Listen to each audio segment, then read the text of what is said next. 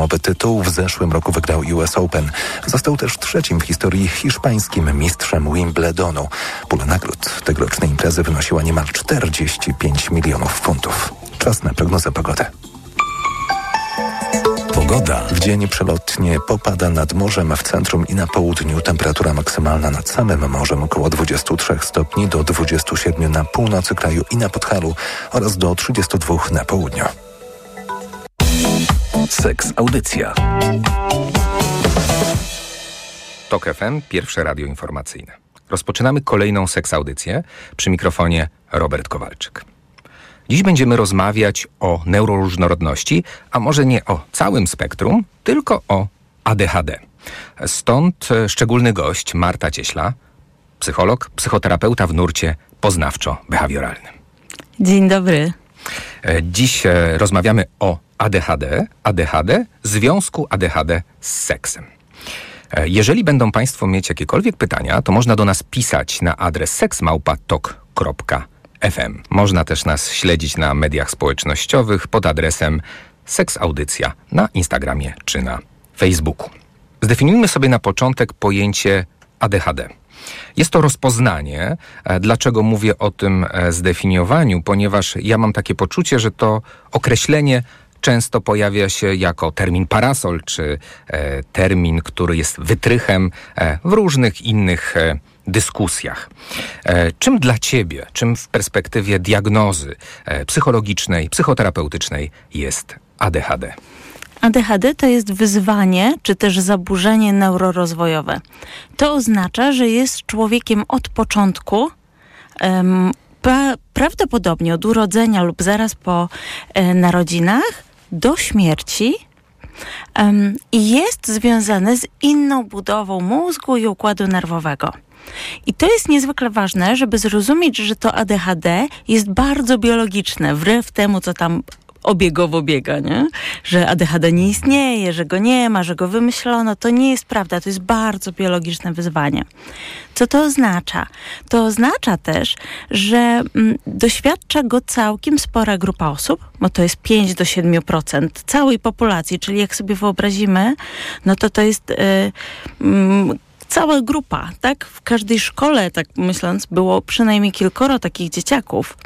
E, i jest człowiekiem przez całe życie. Ona będzie się objawiać w kategoriach na przykład e, dysregulacji uwagi, czyli uwaga osoby z ADHD. Mm, biegnie jak taki zajączek, jak króliczek, za tym, co jest ciekawe, za tym, co jest fajne, za tym, co jest nowe, za tym, co jest interesujące, ale ma trudności z robieniem rzeczy nudnych, żmudnych. W czym to się może przejawiać? W tym, że na przykład zapomina się kluczy, szuka się bez ustanku jakichś ważnych dokumentów, gubi się, bo to jest mało ciekawe. Tak, z taką dużą dezorganizacją życia, z trudnością z płaceniem rachunków, z trudnością z pamiętaniem o jedzeniu, o piciu, z rozpraszaniem się nie tylko w tym, że gdzieś coś stuknie, puknie, ale też, że coś mi się skojarzyło, przypomniało. No i normalnie większość ludzi ma tak, że okej, okay, wraca do tematu, czy wraca do tego, co czytało, czy co słuchało. Osoba z ADHD pobiegnie za tym i nie wiadomo, gdzie się znajdzie. I to jest y, taki kłopot związany z dysregulacją uwagi, który właśnie nie polega na tym, że ja się nie skupiam, ale że się skupiam nie na tym, na czym bym chciał, czy nie mam nad tym kontroli, tak? Bo mogę się skupiać tak bardzo i tak długo i dążyć za krańcami internetów, e, za tym, co mnie interesuje, że, że na przykład tracę, po co ja to w ogóle robię, nie? Czyli skupiam się tylko na jakimś mhm. aspekcie. E, ADHD też jest trudność z mm, ruchliwością. I od takiego stereotypowego dziesięciolatka, który biega jak nakręcony za piłką, jeździ na rowerze i tam skacza po ławkach w klasie, do takiej ruchliwości, że nie mogę jako osoba dorosła odpoczywać. Że nie mogę osiągnąć takiego stanu rozluźnienia, że albo muszę właśnie być dużo wszędzie, y, poruszać się, wstawać, chodzić, albo wiercić na krześle, obgryzać paznokcie, obgryzać wewnętrze ust, czuć taki przymus ciągłego y, bycia w biegu, jak motorek. ale to też jest taka impulsywność. Czyli zanim pomyślę, to zrobię. Odpowiem komuś coś. Yy, wyprzedzę. Nie mogę stać w kolejce, bo już czuję zniecierpliwienie, tak? Szybko się wzbudzam, denerwuję, yy, wpadam w kłopoty, w kłótnie. Mimo tego, że na głowę ja wcale tego nie chcę. Mówisz o tym, e, o ADHD, że rozpoznaje się je bardzo wcześnie, znaczy można rozpoznawać bardzo wcześnie. Natomiast ja bym e, nawiązał do obszaru seksualności. Czy w diagnozie, szczególnie osób dorosłych, dyskutuje się jakieś objawy z obszaru seksualności, które są no właśnie krytyczne w dyskusji o ADHD. Będziemy mieć e, to na przykład w e, ryzykownych zachowaniach seksualnych, mhm. które wcale nie są rzadkie e, w ADHD i to będzie nam taki objaw impulsywności, tak? Mhm. Na przykład zdrada tak? Nie chciałem, czy nie chciałam, ale byłem, byłam i tak mi się jakoś wydarzyło, że się nie zatrzymałem, nie zatrzymałam. Mhm, mhm. Szczególnie w połączeniu na przykład z alkoholem, tak? Czy ze środkami, czy które znowu są, będą charakterystyczne dla osób z ADHD. Czyli też tak, ten wątek związany z przekraczaniem granic, rozumiem. Dokładnie tak. Jeżeli przyjrzymy się tym kategoriom rozwojowym, e, to jeżeli mamy na przykład dzieciaki. Czy tam te kwestie związane z seksualnością też e, powinny być w jakiś sposób zaopiekowane? O czym myślę? O na przykład edukacji seksualnej. Gdzie widzisz w tym obszarze jakieś e, elementy, które powinny się pojawić? Tu jest w ogóle kluczowa y, regulacja emocji, bo my mhm. wiemy, że w ADHD, choć nie ma tego w kryteriach diagnostycznych, to ta dysregulacja emocjonalna, mhm. czyli to, że szybko się wzbudzam, szybko się odpalam, jest bardzo charakterystyczna, że nie mogę pomieścić w sobie tego napięcia. I ta y, kwestia regulowania emocji i tym, że czasami wykorzystujemy seks czy masturbację jako sposób na regulację emocji jest bardzo charakterystyczny, tak? Mhm. I ten kawałek musi wybrzmieć w edukacji seksualnej, bo oczywiście to jest świetny sposób na redukcję napięcia. Problem jest, kiedy jest to jedyny albo główny. A tak mogą nasze dzieciaki, e, te szczególnie odkrywające dopiero seksualność i sprawdzające, co mi to robi, jak mi to daje, mogą się w tym e, mocno zagłębić.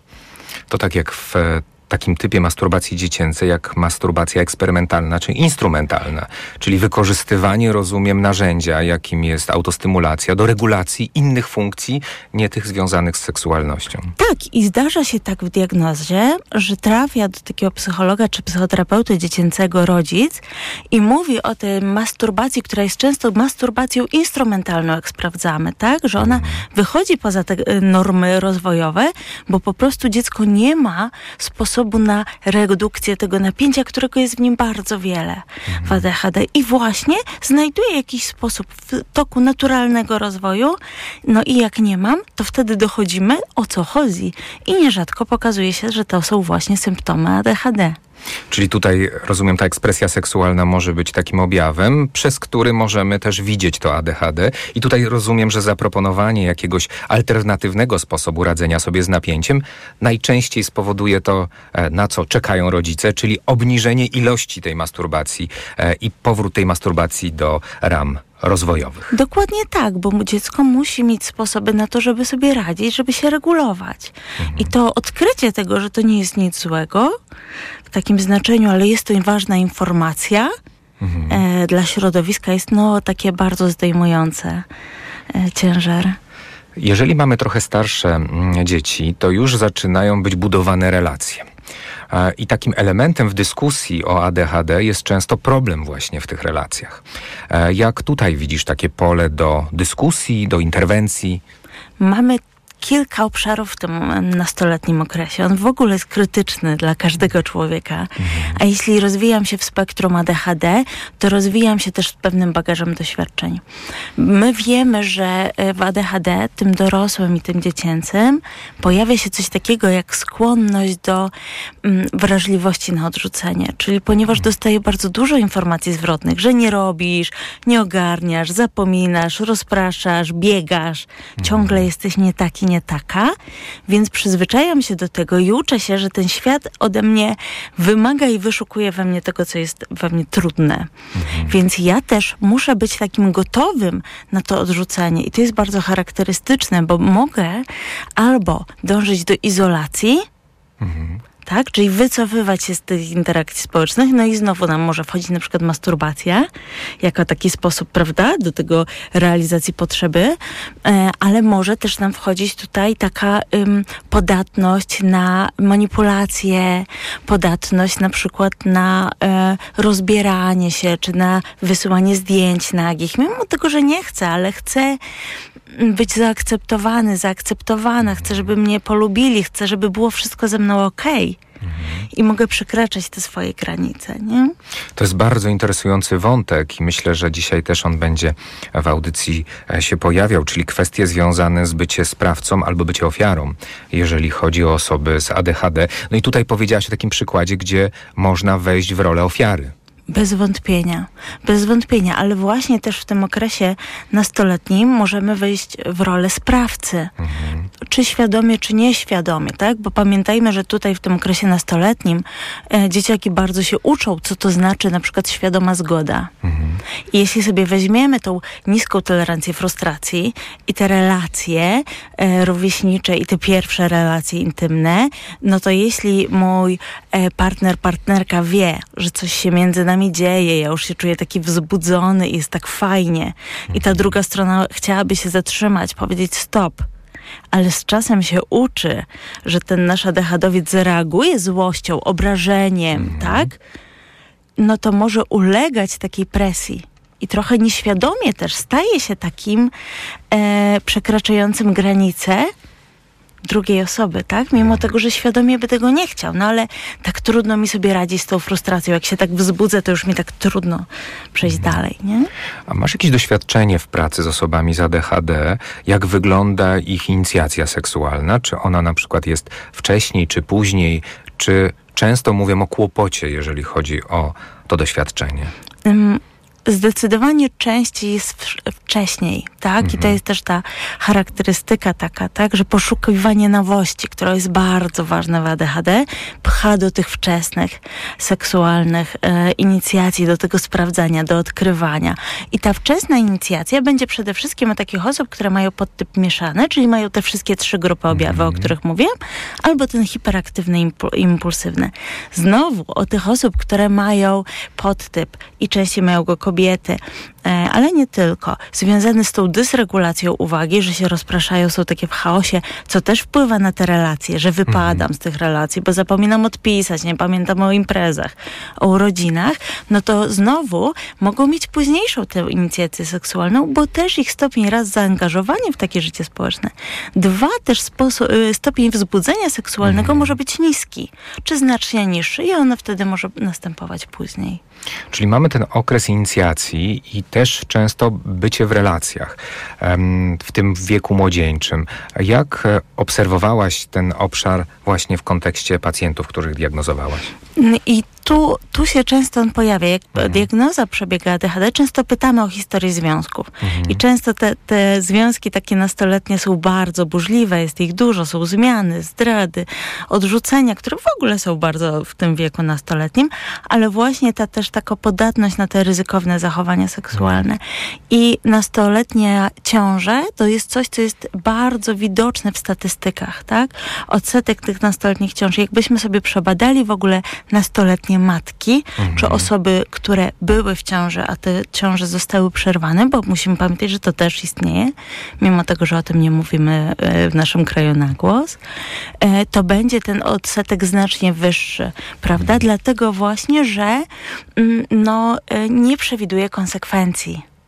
Albo jestem wzbudzony, wzbudzona, mhm. no i idę dalej tak? I na przykład nie używam e, antykoncepcji, mimo tego, że teoretycznie znam, bo to nie jest kwestia małej świadomości, mhm. to nie będzie ten kawałek, choć oczywiście też jak w populacji ogólnej, ale dodatkowe tego, że to mi się nie zdarzy. A jak dołożymy do tego alkohol, alkohol jest w ogóle moderatorem w ADHD tych właśnie ryzykownych zachowań seksualnych, no to już mamy przepis. E, ciekawe, bo właśnie trafiłem, e, przygotowując się do audycji, na jedno z badań. Badanie, które zostało zaprezentowane na zjeździe amerykańskiego e, towarzystwa, które grupuje profesjonalistów zajmujących się ADHD.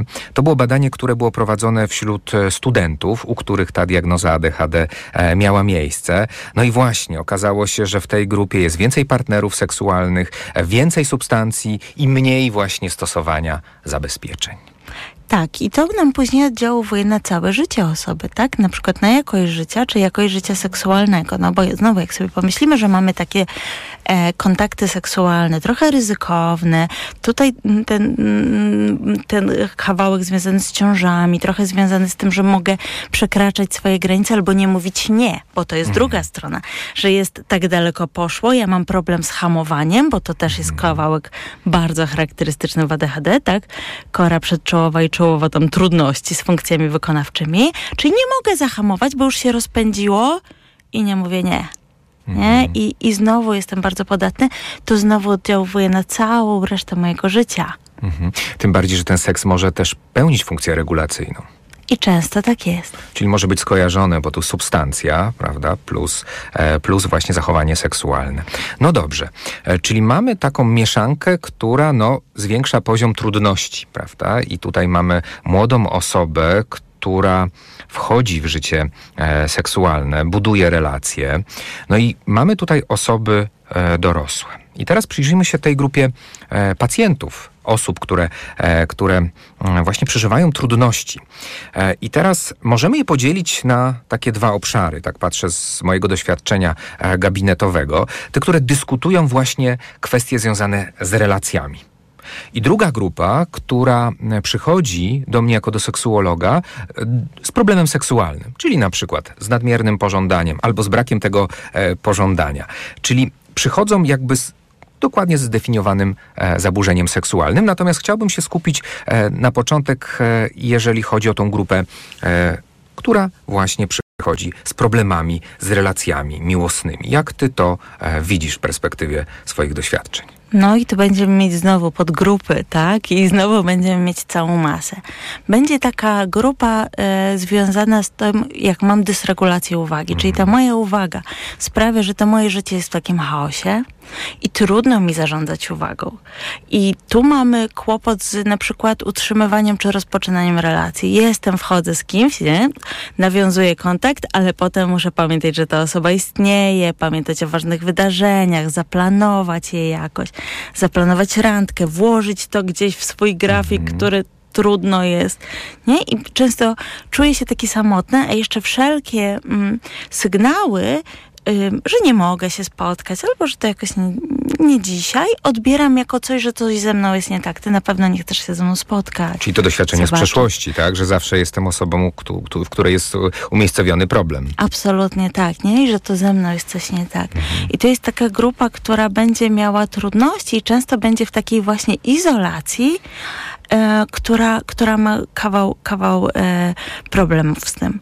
Druga grupa będzie to y, zdecydowanie częstsza, to będzie taka z podtypem właśnie mieszanym, nie? Mhm. Gdzie tych relacji jest dużo, ja wchodzę często tak intensywnie, jestem, zmieniam tych partnerów, ale się frustruję, więc się kłócę, więc się wzbudzam, więc są albo jakoś impulsywnie mm, coś komuś powiem, albo się rozstajemy, tak? Że jest trudność w utrzymaniu tej relacji, w zbudowaniu w niej takiego mm, stabilnego, uporządkowanego i bezpiecznego środowiska. Dlatego, że jeśli ja ciągle poszukuję bodźców, mhm. no to często ta kłótnia też ma funkcję regulacyjną. Coś mhm. się ze mną dzieje, coś mi jest trudno, więc się wzbudzam, nie? Mhm. Ja bym chciał wrócić do tego pierwszego typu, bo tutaj wydaje mi się, rysuje się, tak jak mówisz, zupełnie inny obraz. Natomiast e, jak patrzę na pacjentów w tym pierwszym typie, to tam jest też taka kwestia, no oczywiście obwiniam się, bo jestem e, odpowiedzialny za tą relację i, i pewnie problem jest po mojej stronie, to też e, daje takie duże pole do nadużyć że ja jestem, będę w tej relacji za wszelką cenę i zawsze będę e, brał e, winę na swoją, znaczy to zawsze będzie moja wina. Tak, i co jest najgorsze, to jest podtyp ADHD, którego nie widać. Mhm. A tak? co to znaczy? To znaczy, że jak patrzymy na taką osobę, to ona wcale nie macha nogami, rękami, nie jest mhm. nakręcona, że to wszystko dzieje się w jej głowie i często wkłada bardzo dużo wysiłku, żeby to życie jakoś ogarnąć. Mhm. I często osoby mówią, przechodząc na diagnozę, mówią, wie pani, ale no, no nie jest jeszcze aż tak źle, ale tak, tak mi się jakoś składa i tak słucham o tym i widzę w tym siebie, ale ludzie mi mówią, ty, ty masz ADHD? Nie, no, mhm. no bo go nie widać. I to w ogóle jest taka grupa, która ma większe ryzyko e, też e, prób odebrania sobie życia, więc zawsze jeśli jesteście w takiej grupie i w takiej sytuacji, szukajcie pomocy. Telefon zaufania, środowiskowe centra zdrowia psychicznego, czy najbliższe e, miejsce e, związane z Izbą Przyjęć Szpitala Psychiatrycznego, czy też 112, kiedy jest już bardzo gorąco, bo to jest grupa i szczególnie gdzie kobiety, jako jedyna grupa chyba, mhm. ma większe ryzyko właśnie takich zachowań samobójczych, ponieważ tego nie widać. I to wszystko jest wewnątrz i ja biorę do siebie i również też te problemy w relacjach, ta dezorganizacja, to, że ja nie radzę sobie z tym chaosem, mhm. no to jest kawał, nie? I ta, ta, to bycie w tej relacji też, gdzie szczególnie jeśli pomyślimy o kobietach, które w naszym kraju, w naszej kulturze są te, które są odpowiedzialne za klimat emocjonalny, za pamiętanie, rocznice, imieniny, urodziny, prawda? Te wszystkie rzeczy. Generalnie za relacje. Tak, i za relacje to jest kawał.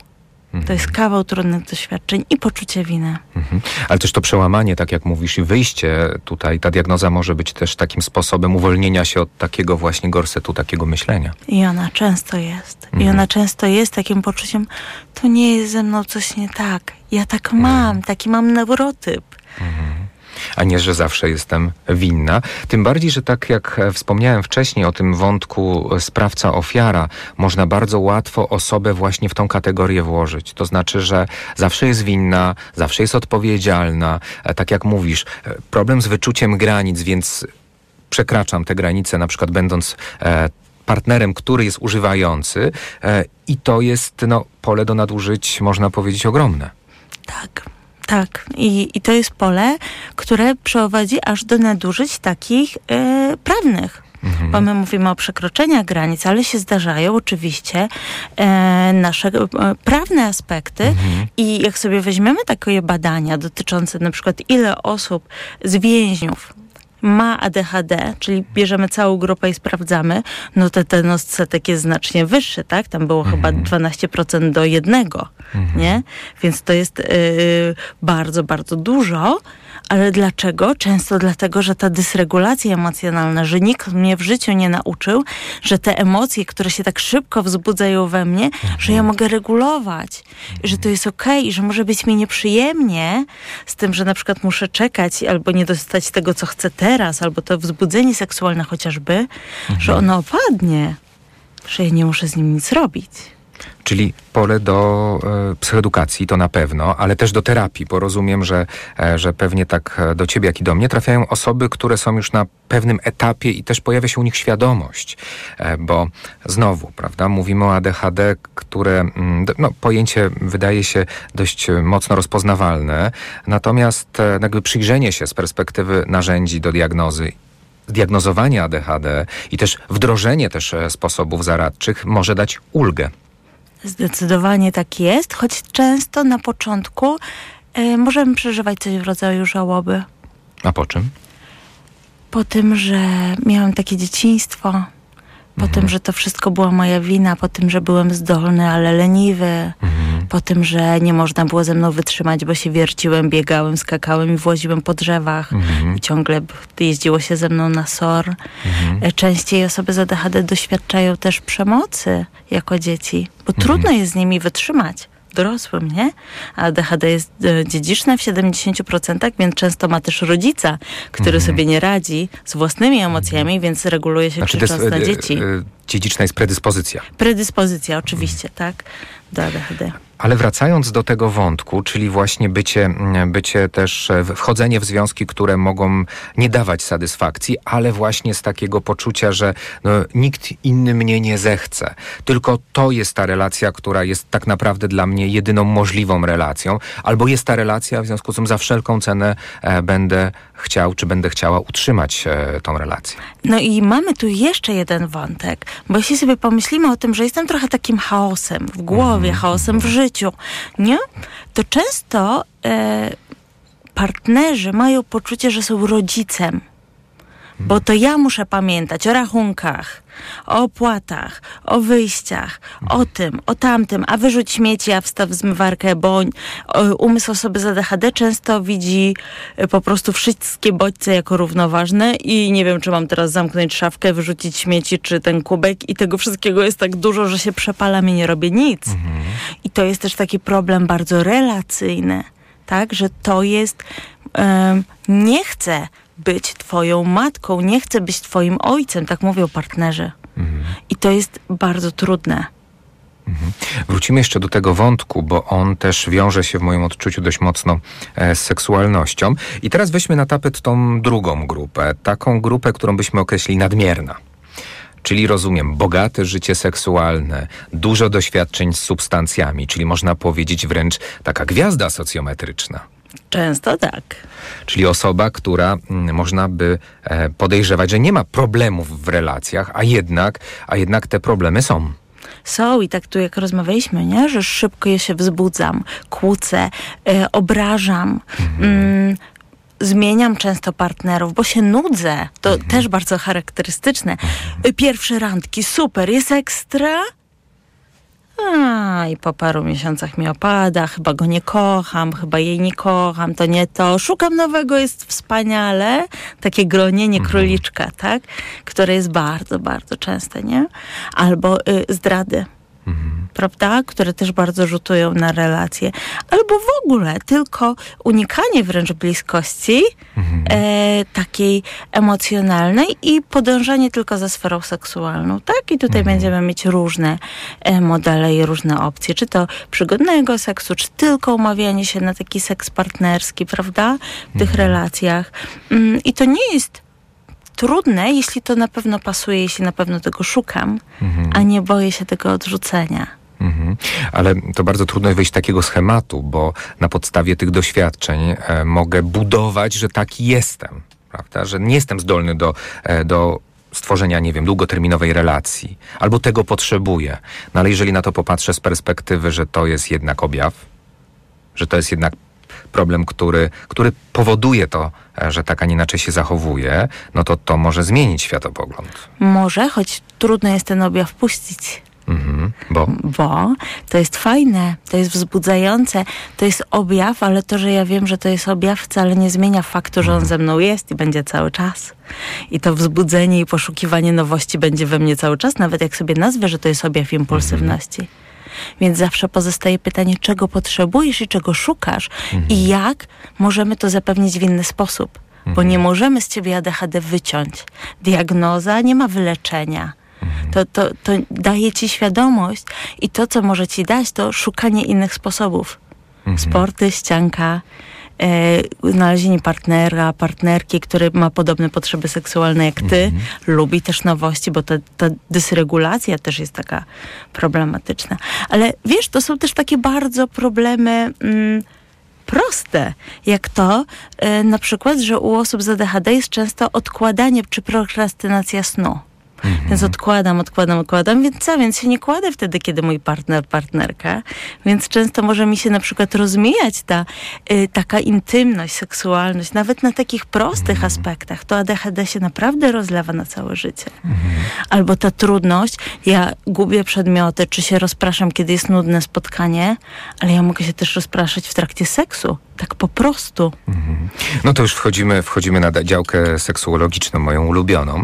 E, Zanim wejdziemy do, e, do, jakby, jakby konkretnie, to jeszcze chciałbym ten podział, bo e, często czyta się jeżeli przegląda się literaturę dotyczącą seksualności osób z ADHD, że, że te grupy dzielą się na te dwie grupy w kontekście problemów seksualnych. To jest albo hiperseksualność, albo też hiposeksualność, prawda? Czyli z jednej strony mamy ten nadmiar tych bodźców, e, osoba, osoba no, przeżywa siebie jako, albo jest postrzegana jako hiperseksualna, czyli można powiedzieć ten drugi typ, o którym rozmawialiśmy. E, I ona też e, poszukuje tych mocnych doświadczeń, na przykład często podlanych alkoholem czy podsypanych różnymi e, substancjami. I to jedno drugie może rozpędzać, prawda? No bo tutaj mamy tą e, hiperseksualność, prawda? Jeżeli użyjemy tego, e, tego określenia, e, czyli, czyli też jakby ten problem z seksualnością e, właśnie na tym poziomie.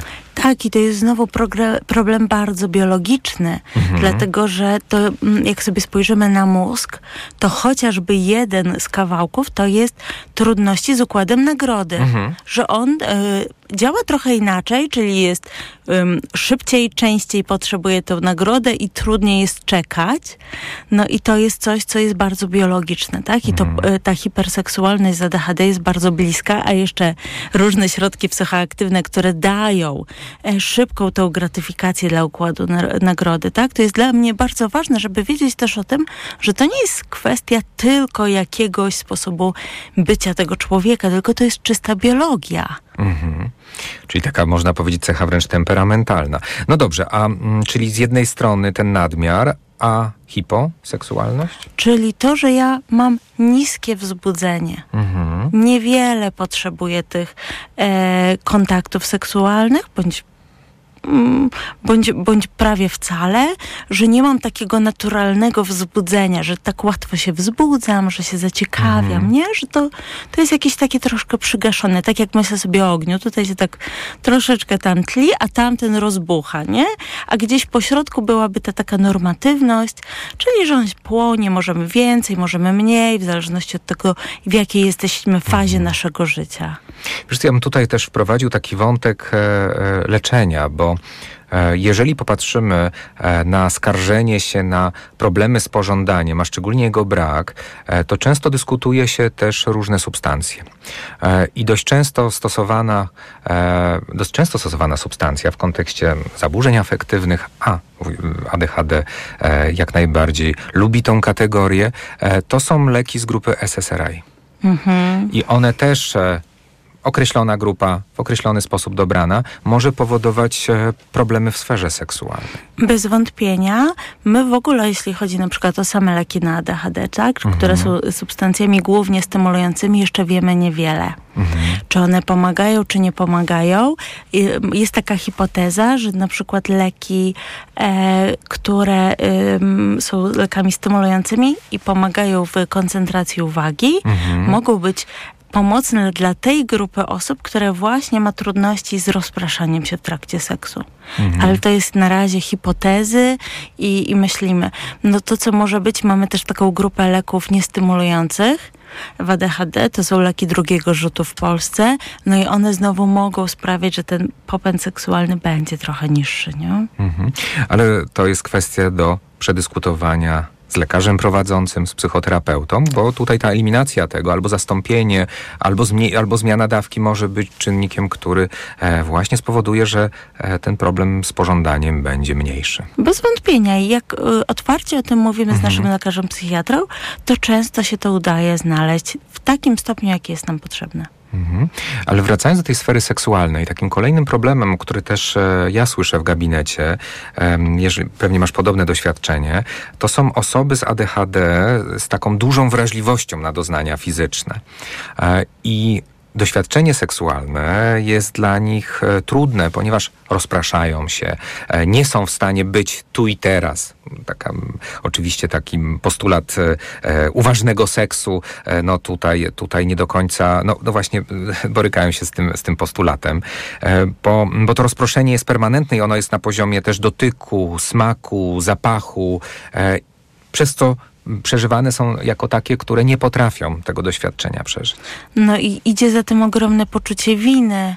Co jest ze mną nie tak, że przychodzą mi takie myśli w trakcie seksu?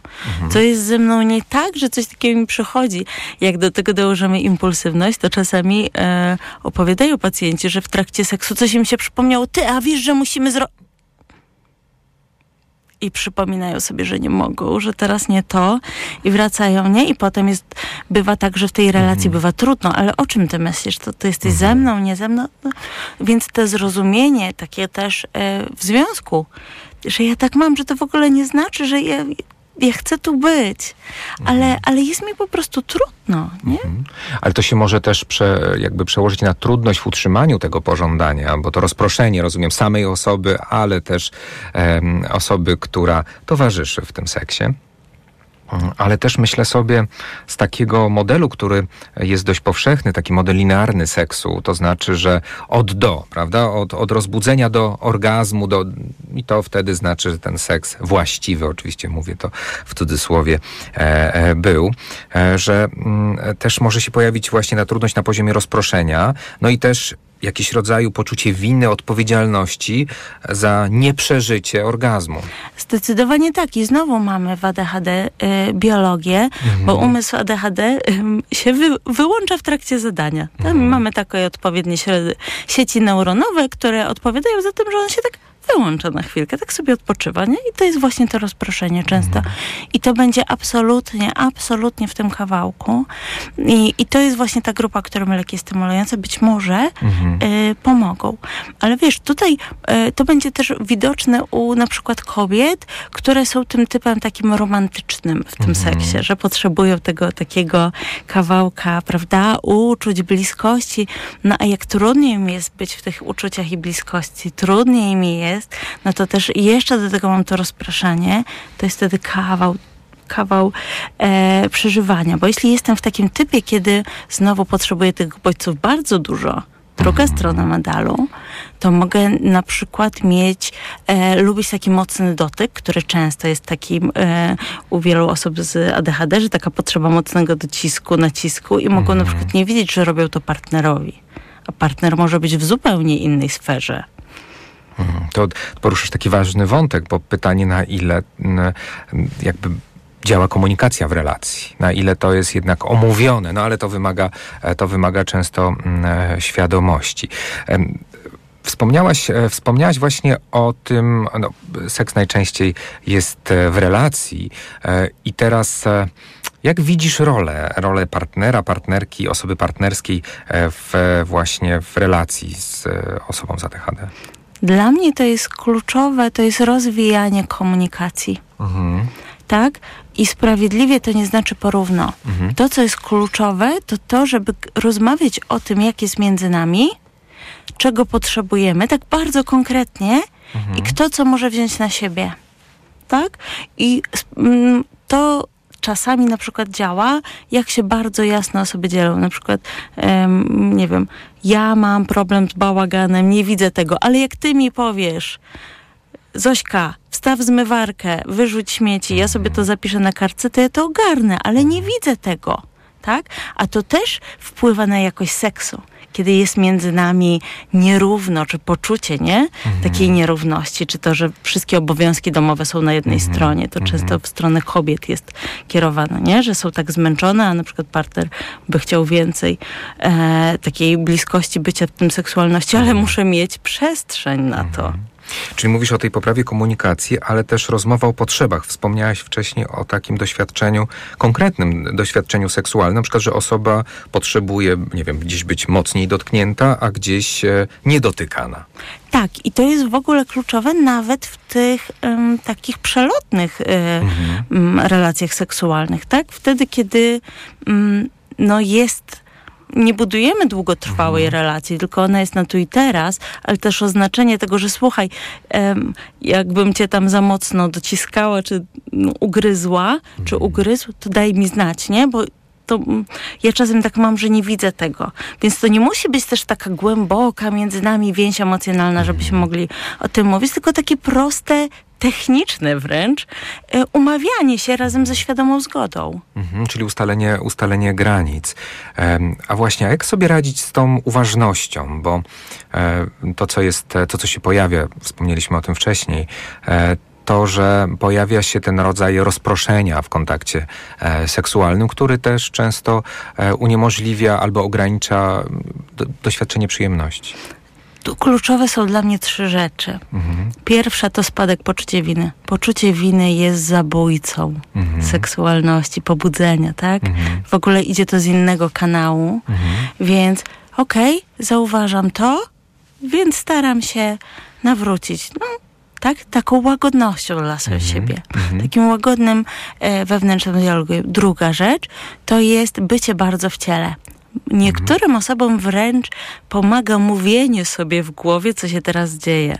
O, to jest mhm. ciepłe, to jest miłe, o, jaki to jest nacisk, nie? Nawet mhm. taki dialog wewnętrzny o tym, co się dzieje, czyli udzielamy sobie kawałka pamięci roboczej do tego, co się tutaj dzieje. Mhm. E, jeśli przy tej pamięci roboczej, to też to, że ja, żeby rozpocząć tą aktywność seksualną, muszę mieć przestrzeń w głowie.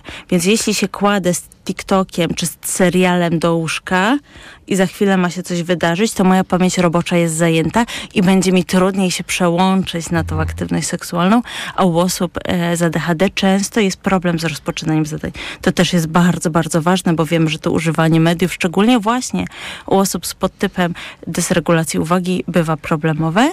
No i trzecia rzecz, odkrywanie, co się lubi, bo często będą takie bodźce, które będą jak taki budzik, jak takie wzbudzenie, nie? Mhm. I szukanie tych bodźców i uczenie się razem z partnerem, partnerką, osobą partnerskim, co jest tym, co daje mi taką dużą przyjemność i takie większe wzbudzenie. Bo jak jest mhm. większe wzbudzenie, to trudniej jednak o to, żeby się rozproszyć. No właśnie, a jak to jest z tą kategorią monotonia versus urozmaicenie? To zależy.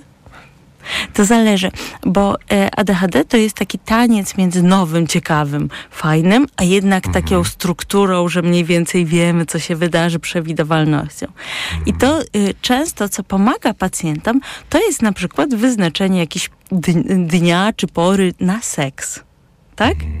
Czyli, że nie wiem, że ja tam pamiętam, że w środy to my mamy, mhm. albo w piątki i to pomaga w ten swój harmonogram uwzględnić to na przykład, że nie włączam serialu wieczorem, nie? Mhm. Bo jak włączę, to mi trudniej. Czyli mhm. trochę takie ustrukturyzowanie wręcz tego, a z drugiej strony szukanie nowości, co mnie wzbudza, to mnie ciekawi, a może razem coś obejrzymy, a może poszukamy, a może poszukamy zabawek, a może pozycji, tak? Z taką mhm. też uważnością na tę drugą stronę, bo ja mogę mieć tak wysoką potrzebę zmiany i to też moi pacjenci mówią, Pani Marto, bo ja to tam 15 pozycji naraz, nie? Mhm. A tu w ogóle nie ogarniam, że ta druga strona tego nie potrzebuje, nie? Że, że musi poczuć, a ja już bym chciał coś, czy chciała coś nowego. Mhm. No i to też znowu pole do negocjacji, bo e, mówisz, że mamy osobę, która ma tak, a nie inaczej, e, natomiast też e, no, jest partner bądź partnerka. Prawda? Osoba partnerska jest. E, I teraz jak ona ma się tutaj w tym odnaleźć? To, co ja przywiozłam z konferencji ADHD w tym roku z Amsterdamu, to takie zdanie uczmy związki, uczmy rodziny rozwiązywania problemów. Mhm. Bo problemy z ADHD będą zawsze. Jakby mhm. wyzwania będą zawsze. A to, co jest siłą takiego związku, to to, że my umiemy usiąść i o nim pogadać i go rozwiązać. I to jest ta przestrzeń, gdzie jest twoje, mhm. gdzie jest moje, gdzie jest nasze wspólne. I też pamiętajmy, że na przykład otwieranie związków też bywa dosyć często w ADHD i ono będzie w porządku pod warunkiem, że wszyscy się na to zgodzimy mhm. i umówimy. I być może ta norma życiowa będzie przyjęta, kulturowa czy społeczna, wcale nie będzie naszą mhm. normą. I ile to jest dla nas w porządku i dla naszego partnera, partnerki, osoby partnerskiej, to jest zupełnie okej. Okay. Mhm. Czyli znowu dyskusja e, o, o, granicach przy świadomości e, potrzeb. Ale wrócę do tego wątku, który pojawił się wcześniej. Powiedziałaś o tym traktowaniu osoby z ADHD jako osoby nieporadnej, osoby, nad którą e, trzeba mieć pieczę, kontrolę, no bo prawda, tutaj nie spełnia czyichś oczekiwań, czy, czy generalnie oczekiwań. I tutaj myślę o, takim, o takiej relacji seksualnej, że jeżeli cały czas jestem w takim układzie e, z osobą partnerską, że ją douczam, pouczam, poprawiam, wskazuję, to wspomniałaś to, że traktowana ta osoba jest często jak dziecko, bo tak się też przeżywają i też nawet takie, takie zdania padają, no ale a z dziećmi seksu się nie uprawia. To znaczy, że ta osoba traci na atrakcyjności przez właśnie e, tego typu e, no, działania na nią nakierowane. Bez wątpienia. Mhm. Bez wątpienia, nie? Ta, cały układ tego związku się zmienia. Mhm. No właśnie, jak, a jak sobie z tym poradzić? Jak sobie, e, jakby co podpowiadasz e, pacjentom? Mm, przede wszystkim psychoedukację partnerów, czyli przychodzi taki... Ale co w takim razie powiedzenie, e, ty masz wziąć odpowiedzialność za tą zmywarkę i absolutnie sam to wkładać i tutaj ja nic nie będę mówił? Nie wiem, mhm. bo ja nie wiem, jaki układ dla danego związku będzie dobry, ale siadanie i mówienie, ja mam tak, ja tego nie widzę, to nie jest przeciwko tobie, że to zmywarka. Mhm. Słuchaj, y, wymyślmy na to jakiś sposób, mhm. tak? Ale też pozwolenie ponoszenia konsekwencji. Bo często jest też taki kawałek związany z wyuczoną bezradnością. Całe moje otoczenie mnie chroni przed tym, żebym nie ponosił, nie ponosiła konsekwencji, więc e, no wchodzą inne osoby w rolę rodzica, a mi to w jakiś sposób odpowiada. I cóż, to są dorosłe osoby i mogą ponosić swoje konsekwencje za swoje mhm. czyny, za to, że nie mają, e, przepraszam, przysłowiowych gaci, albo że zapomną o spotkaniu, bo to, co jest dla mnie też charakterystyczne, to zwracają się do mnie głównie na Instagramie, mhm. e, bo mój partner, partnerka pewnie ma, ale nie chce iść na diagnozę, nie chce nic zrobić, co, jak go do tego zmotywować, jak ją do tego zmotywować? Nie, no nie mamy siły wpływu na inną osobę. Mhm. Możemy mówić, co nam to robi, możemy stawiać swoje granice, na przykład, kiedy to życie jest zbyt trudne, mhm. no ale to druga strona ponosi odpowiedzialność, czy chce coś zrobić, czy ponieść konsekwencje. No ale to, to są też takie konstelacje emocji, że tam złość, bezradność, e, poczucie odpowiedzialności i też trudno e, no, tą konstelację rozbroić. Trudno, ale oglądanie jest jej pierwszym krokiem. Mhm. I tym, że wcale nie musi między nami tak być i wcale nie musi tak to się układać. Mhm. Zbliżamy się do końca tyle jeszcze wątków. E, wróćmy do tego wątku bycia sprawcą, bo on też się pojawia, bo rozmawialiśmy o byciu ofiarą, e, a jak jakby postrzegasz właśnie obecność e, sprawstwa u, u osób z ADHD? No i tu będziemy mieć kilka, kilka kwestii. Ta mhm. kwestia, którą już poruszyliśmy, czyli że ja przekraczam granice, ale na przykład ją wymuszam, tak? Czy nie mm. widzę tego, że mhm. wymuszam, na przykład obrażaniem się, czy krzykiem, czy mm. ten, ale jak mam tą dysregulację emocjonalną i niemożność odroczenia nagrody, no to mogę być sprawcą, prawda? Poprzez y, tu i teraz zładowanie tego mm. napięcia seksualnego, tak? I tu będziemy mieć całą e, kwestię związaną chociażby z gwałtem, ale będziemy mieć też taką kwestię bycia sprawstwa, mm. e, na przykład poprzez wysyłanie swoich mm. zdjęć, po, y, czy udostępnianie y, naszych wspólnych filmów, czy mhm. nagrań, które nagraliśmy w partnerstwie, ale ja się wkurzyłem wkurzyłam, już nie jesteśmy, jestem impulsywny, nie radzę sobie ze złością mhm. i idę dalej. No i, i, jeszcze jedna kwestia, która jest bardzo charakterystyczna, e, bo m, mm, na przykład zaburzenie osobowości. Mhm. Na przykład antyspołecznej osobowości wcale nie jest takie rzadkie w ADHD, czyli jest częstsze niż w populacji ogólnej. Czyli, że mhm. mogę wykorzystywać ludzi, czy widzieć ich jako środki do osiągnięcia swojego celu, niezależnie od kosztów, które te osoby ponoszą. Mhm. Czyli rozumiem używanie tych osób dla zaspokojenia własnej potrzeby seksualnej, tak naprawdę pomijając e, ich e, uczucia. Bez wątpienia. Mhm. Czyli, czyli też ten rys antyspołeczny, tak? Rzeczywiście tak jest w badaniach? Że... Tak, że jest, jest częstszy u osób, Aha. głównie u mężczyzn z ADHD w porównaniu mhm. do populacji ogólnej. U kobiet częściej to będzie zaburzenie osobowości z pogranicza, nie? Mhm.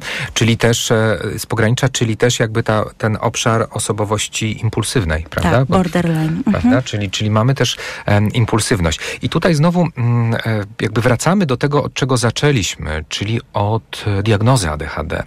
E, bo znowu e, pojęcie, które, które jak e, wielokrotnie tutaj dzisiaj mówiliśmy, jest e, powszechnie używane. Natomiast nie każda impulsywność oznacza ADHD. Nie każde zachowanie, o którym dzisiaj rozmawialiśmy, oznacza, że właśnie tak jest. Może, ale nie musi być, bo może mieć też swoją przyczynę w innym rozpoznaniu. Albo być po prostu taką moją cechą, bo to, co mhm. będzie nam różnicowało ADHD od zwykłego bycia, mhm. to jest to, że sprawia mi cierpienie. Mhm. I y, sprawia, że moje życie nie jest tak dobre, jak mogłoby być. No i jest ze mną od wczesnego dzieciństwa. Ale mówisz tutaj o tym, że to może być inne wyzwanie i jak najbardziej tak, ale też ADHD rzadko występuje w pojedynkę, więc... A co to znaczy? To znaczy, że bardzo się lubi z innymi wyzwaniami, z lękiem, zaburzeniami lękowymi, depresją, y, z uzależnieniami. A depresją bardziej reaktywną chyba, nie? Czyli taką, że jednak jestem całe życie wkładany w bardzo określoną kategorię, e, jestem spychany, i tak, i nie, bo mhm. część będziemy mieć e, wspólnego genotypu. Mhm. Za ADHD jest przynajmniej 105 genów odpowiedzialnych, e, mhm. czyli poligenowe i część będzie wspólna z ADHD, z depresją. My nigdy nie wiemy na ten moment, co mhm. jest czym, ale też będziemy mieć właśnie zaburzenia osobowości, mhm. będziemy mieć też wszystkie zaburzenia z, e, kontroli impulsów, czyli zaburzenia odżywiania, mhm. czy związane z hadem, chorobą afektywną dwubiegunową, chociażby, mm. czy bardzo często ze spektrum autyzmu, gdzie tam to już seksualność to jest pewnie w ogóle na inny odcinek, bo tam też się bardzo wiele dzieje. No i tutaj jest ciekawe, no bo depresja i lęk, czy zaburzenia afektywne e, i zaburzenia lękowe nie lubią się z seksem też. To też jest taki trigger różnych e, problemów seksualnych, więc tutaj też znowu leczenie, e, no, można powiedzieć, wielo, wielowątkowe może się, e, może się pojawić. Jeżeli tak popatrzymy na to ADHD, tak jakby e, z szerszej perspektywy, to co, co może nas uchronić przed negatywnymi skutkami, to świadomość. Tak. Co jeszcze? Łagodność dla siebie mhm. i bliscy ludzie, którzy są po naszej stronie, mhm. którzy mówią nam, dobra, przejdziemy przez to, mhm. ogarniemy. Tacy, przed którymi się nie musimy wstydzić, bo ten wstyd jest ogromny w ADHD. Mhm. Jest zresztą jednym z największych predyktorów tego, że ktoś nam wypadnie z terapii bo się wstydzi, że nie dowozi, że nie robi. Więc jeśli mamy takie relacje, budujemy takie relacje, gdzie jest troska, mhm. a nie obwinianie i wstyd, to jest coś, co może nam bardzo pomóc. Mhm. Bo nawet powiedzenie, słuchaj, zawaliłem, yy, uprawiałem seks bez zabezpieczeń, teraz się okazuje, że mam chorobę weneryczną, powinienem poinformować swoje partnerki, mhm. no to wstyd nas z tego wykosi. Wiesz, ja się zastanawiam, na ile to nie będzie też wytrych, prawda? Że to nie moja wina, e, tylko to wina ADHD. I tu mamy fantastyczne stwierdzenie. Mhm. ADHD jest wyjaśnieniem, ale nie wymówką. Mhm. Czyli ja to wyjaśnia czemu tak mam, ale nie może być wymówką, czemu się tak zachowuję, bo opiekowanie się ADHD, psychoedukacja najpierw, mhm. e, leki, jeśli uznamy z lekarzem prowadzącym, że są potrzebne, a są bardzo ważne w leczeniu ADHD i psychoterapia, jeśli moje problemy są większe niż tylko to, co daje mi psychoedukacja, to jest właśnie to, że biorę odpowiedzialność za swoje życie. I wtedy ADHD staje się wyjaśnieniem, mhm. a nie wymówką. Doskonała e, puenta naszej dzisiejszej audycji, a rozmawialiśmy o związkach ADHD e, z seksualnością. Naszą gościnią była Marta Cieśla, psychoterapeutka w nurcie poznawczo-behawioralnym, e, psycholog, no i też osoba, która specjalizuje się w ADHD. Mogą Państwo znaleźć Martę na Instagramie, tam są, wydaje mi się, większość wiadomości, których, które mm, mogą Państwa e, zainteresować, bo to jest e, Instagram też edukacyjny. Zdecydowanie tak, zapraszam. E, słuchali dzisiaj Państwo seks audycji. Odcinek poświęcony zaburzeniom seksualnym, seksualności osób z ADHD. Można do nas pisać na adres seksmałpatok.fm, jeżeli Państwo mają komentarze, pytania e, co do audycji. Oczywiście można też napisać do nas przez Instagram albo Facebook. Znajdą nas Państwo pod określeniem Seks Audycja, czyli taki, jaki tytuł jest audycji. Dziękuję Państwu e, jeszcze raz za wysłuchanie, a Tobie za przyjęcie zaproszenia. Dziękuję bardzo. Dobrej nocy. Seks Audycja.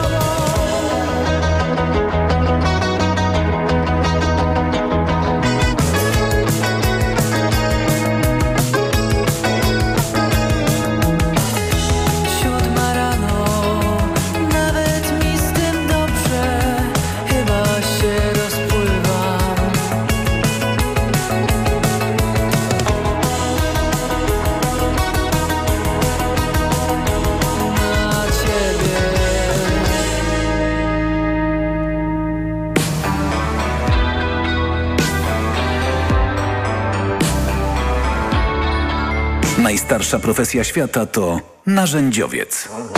Owczarek. Od poniedziałku do piątku od dziesiątej. Radio TOK FM.